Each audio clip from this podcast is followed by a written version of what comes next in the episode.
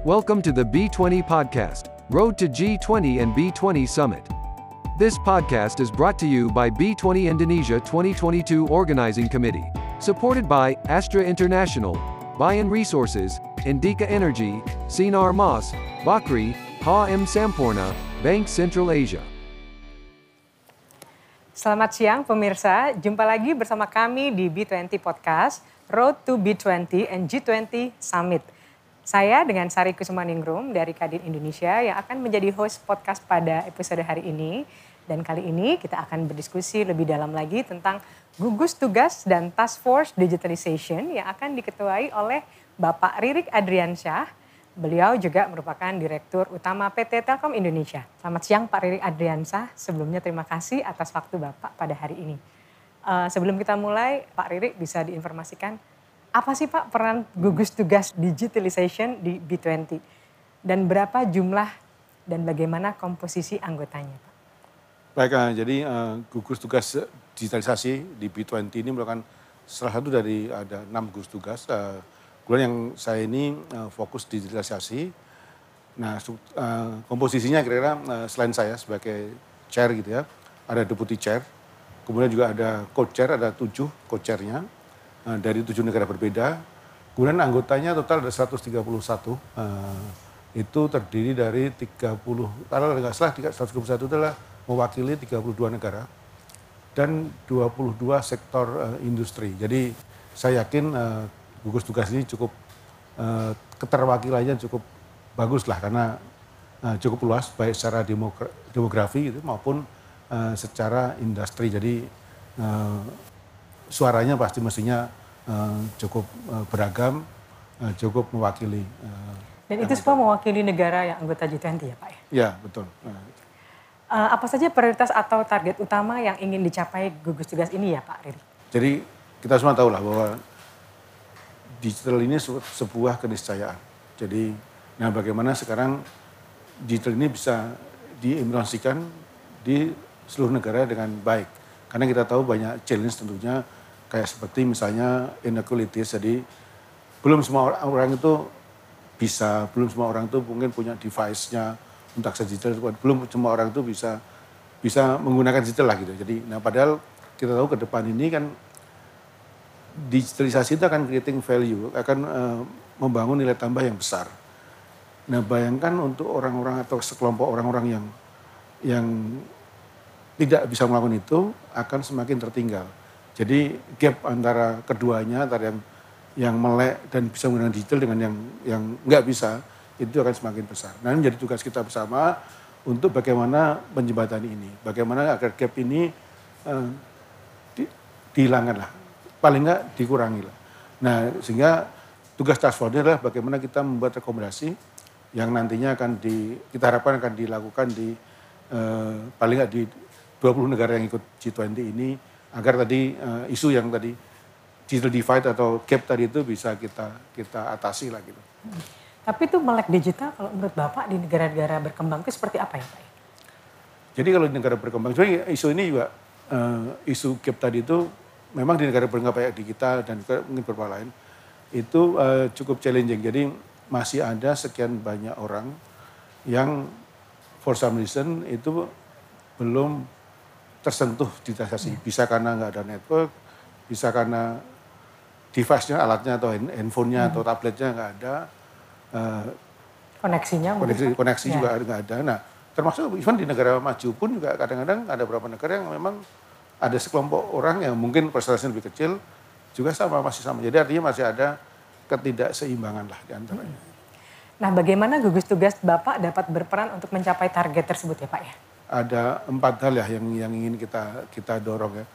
Termasuk dari mulai pembangunan infrastrukturnya ya. agar lebih merata gitu kan terus kemudian juga uh, skill atau atau uh, literasinya juga uh, terus bisa di, dikembangkan gitu agar semua orang juga siap uh, lari ke sana demikian juga dengan uh, apa namanya uh, mindset dari orang ini termasuk tentunya juga UMKM itu bisa ke arah situ kemudian juga kita membangun bagaimana yang uh, fondasi untuk agar digital ekonomi ini bisa terus tumbuh dan sustainable. Dan terakhir tentunya adalah security. Jadi yeah. salah satu isu yang yang memang tentunya dengan semakin kita ke digital ini adalah isu security. Nah, bagaimana kita membangun uh, security yang mungkin itu interoperable bisa saling beroperasikan, neutral dan juga mengacu pada katakanlah kebiasaan atau best practice yang ada di uh, di berbagai negara lain.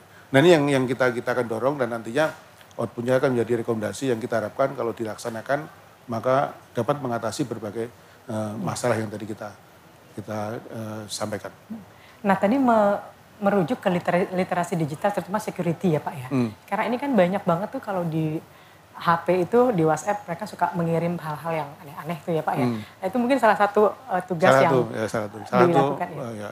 Tadi jadi mindsetnya, budayanya, ya. gitu. Nah itu yang yang mungkin perlu perlu diubah. Termasuk juga kadang-kadang kita itu kan ngeluh ya kalau misalnya kita mau akses ke sesuatu gitu uh, bertele-tele. Jadi ya. ada password satu, ada OTP, ada apa. Nah sebenarnya itu semua juga penting kita lakukan karena untuk melindungi masyarakat agar uh, nantinya apakah datanya diambil atau ada atau ada ada fraud dan sebagainya. Nah memang uh, antara security dengan kenyamanan kadang-kadang tidak selalu sejalan lah gitu. Nah kalau itu kan di Indonesia ya Pak ya, kalau di negara-negara lain itu seperti apa? Sama, sama, memang sama, sama. Memang di negara yang sudah lebih maju otomatis literasinya sudah lebih tinggi, skillnya ya. lebih tinggi. Awarenessnya juga sudah lebih tinggi sehingga mungkin isu itu agak sedikit lebih kecil lah gitu. Ya. Tapi di negara yang yang yang sedang berkembang, nah ini tentunya lebih besar. Nah, comparison Indonesia dengan negara di ASEAN sendiri seperti apa Indonesia, Pak? Indonesia ini agak unik sebenarnya. Jadi sebenarnya kita itu di, di satu sisi memang kayak developing countries ya. Hmm. Ada masih masyarakat masih ada yang yang di Indonesia mungkin rata-rata ada barangkali sekitar 20 persen orang itu yang belum pakai smartphone. Artinya dia belum pakai belum pakai digital kan? hmm. karena belum, belum bisa data kan. Tapi di sisi lain di kelompok yang lain, terutama yang di daerah yang sudah ya kota besar yang sudah ada digital itu sangat advance. Yeah. Even dalam beberapa hal itu lebih advance dibanding negara maju. Hmm. Nah, tapi itu di, di sisi lain juga menunjukkan bahwa gap kita yang masih tinggi. Nah, di sisi lain sementara digital ini kita yakini bahwa memiliki peluang yang sangat besar bagi Indonesia karena dengan digital ini Indonesia bisa melakukan leapfrog dalam banyak hal ya dalam tadi saya pakai contoh selalu yang paling gampang juga adalah edukasi ya edukasi yeah. ini kan kalau kita harus membangun sekolah fisik itu kan butuh waktu lama butuh biaya tinggi yeah. kalau tersebar di Indonesia, Indonesia termasuk di pulau-pulau yang kecil itu kan nah kalaupun sekolah itu sudah kita bangun maka isu berikutnya adalah gurunya Ya. Ada yang guru guru yang bagus atau ada yang mau kerja di situ kan belum tentu ada. Mm -hmm. Tapi bayangkan Mbak Sari kalau kita kemudian menggunakan platform digital yang bisa diakses oleh semua orang lah gitu ya. Mm -hmm. Ada networknya, device-nya ada, otomatis saudara kita yang ada di pelosok Kalimantan, Papua sana itu akan menikmati pengajaran yang disampaikan oleh guru yang kualitasnya sama. Mm. Karena dia dia kan bisa online kan atau bahkan uh, pakai video misalnya. Nah sehingga opportunity akan jadi equal dan at the end of the day uh, Indonesia ini akan uh, mendekati lah ya. bahkan setara dengan negara maju secara lebih cepat dan lebih cost efektif gitu, lebih, lebih murah lah kayak gitu. Nah itu yang yang salah satu contohnya dan banyak hal yang bisa dilakukan dengan digital ini. Ya karena saya melihat ya Pak Riri, itu di Indonesia itu fenomena sosial media dan di daerah kebetulan saya pernah mengikuti satu acara literasi digital dari Kominfo Pak. Hmm. Waktu saya memberikan satu uh, presentasi, di situ ternyata banyak sekali mereka yang tidak mengenal juga etika berdigital gitu. Ya, Jadi ya. Itu yang mungkin tadi yang Bapak sebutkan tadi bahwa edukasi itu sangat penting. Jadi tidak hanya untuk Betul. ini ya Pak uh, peserta atau murid tapi guru. Nah itu kalau itu a part of the uh, task force dari Bapak juga atau tidak ya Pak? Secara secara nggak langsung ya, tapi ya. kita tidak sedetail itu. Tapi uh, rekomendasinya ada situ. Jadi memang memang itu menjadi bagian yang tadi yang mindset tadi. Uh, hmm. Dan dan memang yang paling tepat adalah kalau melarang kan susah. Ya. Uh, karena dilarang juga orang bisa nyari-nyari kan. Tapi at least kalau ada filter di dalam dirinya yang kemudian mana yang baik untuk dilihat mana yang enggak, termasuk untuk anak-anak, itu akan jauh lebih bagus. Ya. Nah, legasi apa yang Bapak harapkan akan ditinggalkan untuk publik dan siklus B20 di masa mendatang? Jadi sebenarnya uh, yang kita harapkan nantinya adalah kita bisa menghasilkan rekomendasi uh, yang tentu yang tepat yeah. gitu ya, yang kemudian dapat dilaksanakan dan itu kita harapkan juga dapat tadi mensolusikan tadi yang gap yang masih ada ketidak seimbangan tadi. Ya. Nah kalau itu bisa di, dilaksanakan, itulah yang kita harapkan uh, kemudian akan membantu uh, berbagai negara dan tentunya adalah penduduknya, rakyatnya untuk tadi sama-sama maju di dunia yang sudah menuju ke arah digital ini. Nah itu yang kita harapkan. Nah kalau di Indonesia, contoh yang paling nyata barangkali adalah uh, pengembangan uh, connectivity atau network di daerah 3T. Jadi 3T ini kan cukup sulit sih kalau yeah. bagaimana agar saudara kita di daerah 3T itu juga bisa uh, mengikuti uh, adanya digitalisasi ini. Yeah. dan berbagai aspek. Tidak hanya pendidikan tapi juga berbagai aspek. Dan mereka tahu gitu. Jadi mereka yeah. tahu Pak Nah ini yang yang yang yang sebenarnya uh, ingin kita lihat. Dan kalau kita lihat kemarin selama pandemi memang itu luar biasa. Jadi bahkan di beberapa kesempatan gitu ya uh, banyak anak-anak kita yang yang masih sekolah itu belajar jarak jauh itu terpaksa dari pinggir jalan. Iya. Tidak dari rumahnya karena dia hanya dapat sinyal itu di situ. Iya, maka saya lihat ada yang di itu ya Pak ya di jalan. Betul, nah kayak gitu jalan itu, yang itu, di ya. itu, tapi uh, sisi baiknya adalah bahwa mereka sudah semakin terbiasa untuk menggunakan digital ini. Jadi jadi bagaimana kita bisa memfasilitasi uh, mereka untuk tetap nanti bisa dengan belajar dengan baik meskipun uh, secara uh, online. Iya. Apalagi kalau sekarang itu Pak, yang penting setelah ada konektivitasnya sudah oke, okay, tapi ya. kan itu ada biayanya Pak. Itu ya. bagaimana ya. itu Pak? Nah itu juga menjadi salah satu isu. Ya. Jadi memang yang menghambat, or, ada lima hal ya yang menghambat hmm. uh, orang itu kenapa uh, untuk pakai, katakanlah pakai digital termasuk pakai internet ya. Jadi ya, ya dari tadi yang tadi skill, mindset, uh, itu itu terbatas. Nah yang kedua itu adalah tentu ada affordability. Jadi hmm. kesanggupan bayar mulai dari beli handsetnya, kemudian juga bayar pulsanya gitu, Bisa. beli paket datanya. Ini yang yang ada. Nah, kalau yang kita merefer ini tentunya juga menjadi satu satu ini. Uh, kalau di Indonesia sebenarnya paket data ini sudah relatif murah, bahkan kita salah satu yang paling murah gitu. Nah kemarin selama pandemi memang ada program pemerintah, terutama hmm. dari Kemendikbud untuk uh, Merdeka Belajar Jarak Jauh, jadi MBJJ. Itu di mana sebenarnya pemerintah mensubsidi. Hmm. Nah apakah ini nanti terus dilakukan, saya nggak tahu. Mungkin juga itu menjadi uh, salah satu opsi agar uh, mereka ini bisa belajar yang meskipun di sisi lain sebenarnya dengan anak-anak ini belajar melalui online itu ada penghemat juga karena kan ya. kalau yang di uh, kota kan nggak perlu bayar transportasi mungkin juga nggak perlu uh, bekal untuk jajan ya. kan ya. kan di rumah nggak perlu jajan ya. nah itu juga jadi kadang-kadang uh, ada penambahan pengeluaran di data tapi di sisi lain mungkin ada potensi untuk penghematan di sisi yang lain tapi masalahnya Pak, kalau kita selalu ada di dalam rumah ya Pak, anak-anak itu interaksi dengan luar itu kurang kan? Ya, itu itu kan pengaruh digitalisasi itu bagaimana itu Pak? Ya kalau Pendapat, itu Pak. menjadi salah satu, ya. tapi sebenarnya nantinya mungkin akan lebih berimbang ya. Jadi ya. tidak semuanya online, tetap ada interaksi fisik karena sebagai manusia kan memang membutuhkan sosialisasi, ya. tapi juga yang digitalnya juga dimaksimalkan. Gitu. Nah bagaimana Bapak melihat kesenjangan digitalisasi antara negara maju dan negara berkembang dan upaya bersama apa yang harus dilakukan ya Pak, khususnya di antara komunitas G20, B20 untuk mengurangi kesenjangan tersebut. Jadi ini menjadi salah satu isu tadi ya, memang kesenjangan ini kan bisa antar sekelompok penduduk di dalam hmm. satu negara, tapi bisa juga antar negara kan, ya. karena antar negara juga karena karena kemampuannya, bisa juga karena uh, geografinya yang sangat berbeda. Hmm. Ada negara yang flat, yang cuma satu daratan gitu, ada negara yang kayak Indonesia kepulauan tentunya akan berbeda. Nah yang yang kita dorong di sini ada beberapa policy yang kita usulkan agar membuat opportunity menjadi sama. Jadi yang negara eh, katakanlah yang negara berkembang pun juga punya potensi untuk membangun tadi connectivity tadi secara eh, lebih eh, maksimal sehingga di nantinya eh, akan bisa menikmati juga adanya digitalisasi di negara masing-masing. Nah ini yang yang kita kita kita uh, kita dorong di Polos itu. Nah kebetulan di gugus tugas digital ini juga ada perwakilan dari uh, pabrikan ya, pabrikan network. Jadi kayak ada misalnya dari Ericsson yang juga mereka punya ide-ide. Uh, untuk memperkaya rekomendasi yang kita uh, kita siapkan.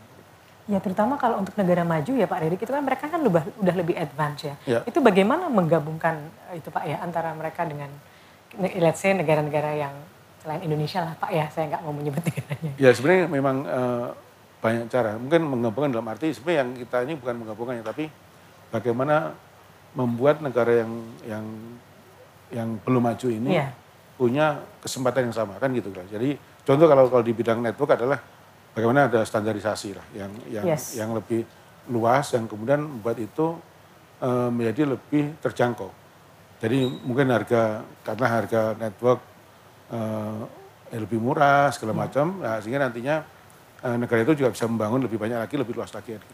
Nah hal semacam itu yang memang eh, kita diskusikan di gugus tugas ini eh, agar nantinya itu menjadi satu eh, policy atau rekomendasi yang kemudian dapat diimplementasikan dan at the end of the day itu bisa membantu eh, negara-negara yang yang belum belum maju untuk menjadi lebih eh, lebih advance lagi. Ya jadi rekomendasi itu nanti Pak apabila sudah ter apa ya Pak ya sudah terrealisasi gitu ya Pak itu nanti seperti apa nanti eh, outcome-nya yang akan didapat oleh negara-negara itu? Ya jadi jenjangnya memang gini. Jadi kita ini kan di B20 nih. Ya. Nah B20 kan bagian dari G20. Nanti rekomendasi ini akan kita sampaikan eh, dari B20 ke G20. Nah sehingga nantinya di sana di diadop.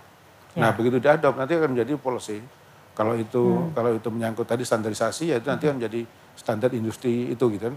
Yang kemudian para pabrikan ini eh, yang terkait ini apakah itu handphone, network, tablet dan sebagainya itu akan mengadop itu sehingga nantinya itu menjadi eh, lebih tadi lebih mungkin lebih murah, lebih Ya. terjangkau, lebih eh, luas eh, anunya ketersediaannya. Nah harapannya begitu. Nah kita melihat bahwa di- digitalisasi ini umum diaplikasikan oleh perusahaan-perusahaan besar ya Pak ya. Sebenarnya apakah ada tantangan khusus digitalisasi, digitalisasi bagi UMKM? Pak?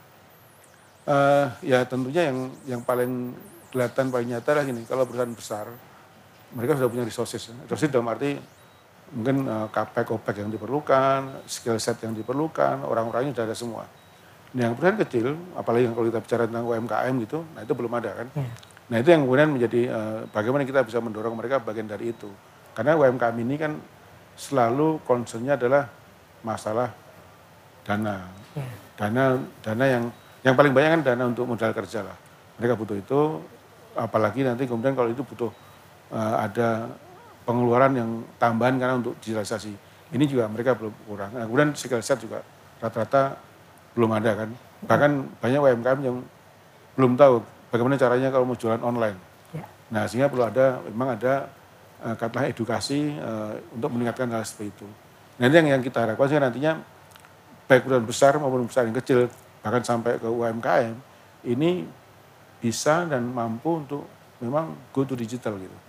Itu yang yang yang yang, yang kita harapkan. Tentunya ini effort yang melibatkan banyak pihak, tidak hanya menjadi tanggung jawab kita di sektor bisnis, tapi juga pemerintah maupun juga seluruh stakeholder. Gitu.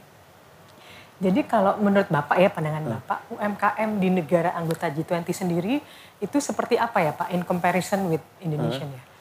Moral kira hampir mirip lah ya. Jadi eh, sama dengan apalagi kalau itu negara yang even di negara maju pun juga juga sebenarnya meski mereka lebih advance daripada Ya. UMKM kita, tetapi sebenarnya masih ada masalah seperti itu. Hanya yang yang di negara yang belum maju memang tantangannya kan lebih lebih besar karena ya dia gapnya jauh lebih tinggi lah gitu. Iya. Nah itu yang menjadi tantangan kita. Karena saya lihat ya Pak ya sekarang itu unicorn Indonesia kan udah sampai de- decacorn.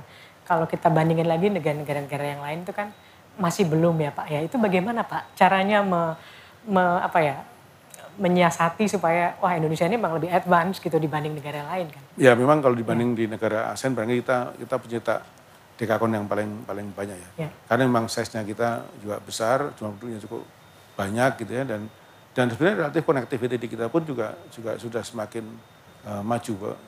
Eh, bahkan ini kan pemerintah dari tahun lalu kan ada effort untuk mengkonekkan sekitar 12.000 desa. Ya. Nah itu juga akan sangat membantu untuk mereka eh, eh, apa namanya mengembangkan dan dari sisi yang lain pun juga tadi startup tadi juga akan ada opportunity lebih besar. Karena semakin banyak orang yang go digital, semakin banyak orang yang pakai pakai smartphone, tentunya juga ini peluang bagi bagi eh, para eh, startup untuk lebih berkembang kan gitu. Nah kalau menurut Bapak sekarang ya Pak ya itu digital payment di negara kita dengan comparison dengan negara lain gimana? Apakah kan dalam uh, apakah itu masuk ke dalam satu rekomendasi ke depannya? Tidak secara spesifik nggak, Ya. nggak ada. Jadi uh, payment ini kebetulan memang setiap negara beda-beda uh, dan budaya juga beda-beda. Ya. Di kita payment lebih ke arah lifestyle ya sebenarnya. Uh, anak-anak muda pakai payment. Tapi di negara lain mungkin uh, ada juga, tapi masih juga pakai yang agak-agak tradisional kayak kartu kredit juga ada. Nah, jadi memang agak-agak berbeda. Tapi uh, kalau dikaitannya dengan gugus tugas digitalisasi, payment ini menjadi tidak sangat spesifik karena di kita di gugus tugas itu juga rekomendasinya itu jumlah dibatasi Ya. dan tidak bisa terlalu uh, detail lah gitu. Nah sehingga kita lebih lebih umum tapi sesuatu yang yang yang jelas uh, dan nantinya juga kita harapkan ketika diimplementasikan pun juga clear gitu. Uh, tujuannya apa itu harus clear, tidak boleh ngambang-ngambang gitu. Ya. Nah pertanyaan terakhir saya nih Pak, bagaimana publik dalam hal ini komunitas bisnis di luar anggota gugus tugas dapat berkontribusi dan menunjukkan dukungan mereka? Baik, jadi memang eh, keanggotaan eh, di yang tadi 101 tadi ya, dulu itu ada masa pendaftarannya. Nah, tentunya sudah tutup sekarang. Nah, nam- namun ini juga tidak menutup nantinya bagi eh, rekan saudara kita yang ingin kontribusi itu masih tetap ada peluangnya. Jadi ada banyak banyak cara lah. Salah satunya adalah eh, bisa menghubungi member sehingga nanti membernya yang menyampaikan concern itu gitu ya. Eh, bisa juga em, terlibat nanti dalam berbagai set event. Jadi di gugus tugas ini akan ada selain nanti puncaknya kan di yang di Bali November nanti. Tapi sebelum itu itu akan ada secara periodik akan ada ada berbagai kegiatan kita sebut side event gitu. Nah bagi yang ingin kontribut, eh, ingin ikut kontribusi di situ silakan datang ke situ. Kemudian nanti apakah nanti buat usulan dan sebagainya lah. Itu itu eh, banyak cara. Termasuk juga bisa juga akses ke webnya eh, kita ada di web Ya. kita yang di situ juga eh, bisa untuk memberikan berbagai saran, masukan atau pertanyaan. Ya, jadi kalau side event itu sendiri ya Pak, yang saya lihat itu kemarin di Solo ya Pak ya, ada Oh, seperti Solo, betul. uh, pameran ya. Tapi selain itu apakah ada kegiatan side event B20 untuk Ada, khusus nanti akan ada, akan ada lagi. Eh, Solo itu yang ya saat yang pertama lagi. Nah, kan di situ juga ada diskusi kan, ada presentasi, ada diskusi. Ya. Eh, nanti akan di- di- dilanjutkan di untuk info yang begitu nanti eh, dapat diakses di web. Jadi ada akan ada apa lagi berikutnya itu silakan diakses eh, di web kita. Baik, luar biasa sekali hari ini. Terima kasih Bapak Ririk Adriansyah atas waktu Bapak hari ini dan atas informasi yang sangat informatif. Semoga pendengar kita dapat mengambil banyak manfaat di presidensi B20 Indonesia 2022. Khususnya juga pada lingkup digitalisasi. Cari tahu lebih lanjut tentang B20 Indonesia dari situs web kami di www.b20indonesia2022.org dan temukan episode kami yang lain di mana kami akan berbicara secara mendalam tentang prioritas B20 Indonesia dengan para eksekutif terkemuka dan perusahaan dan institusi global terkemuka. Sampai jumpa pada episode selanjutnya.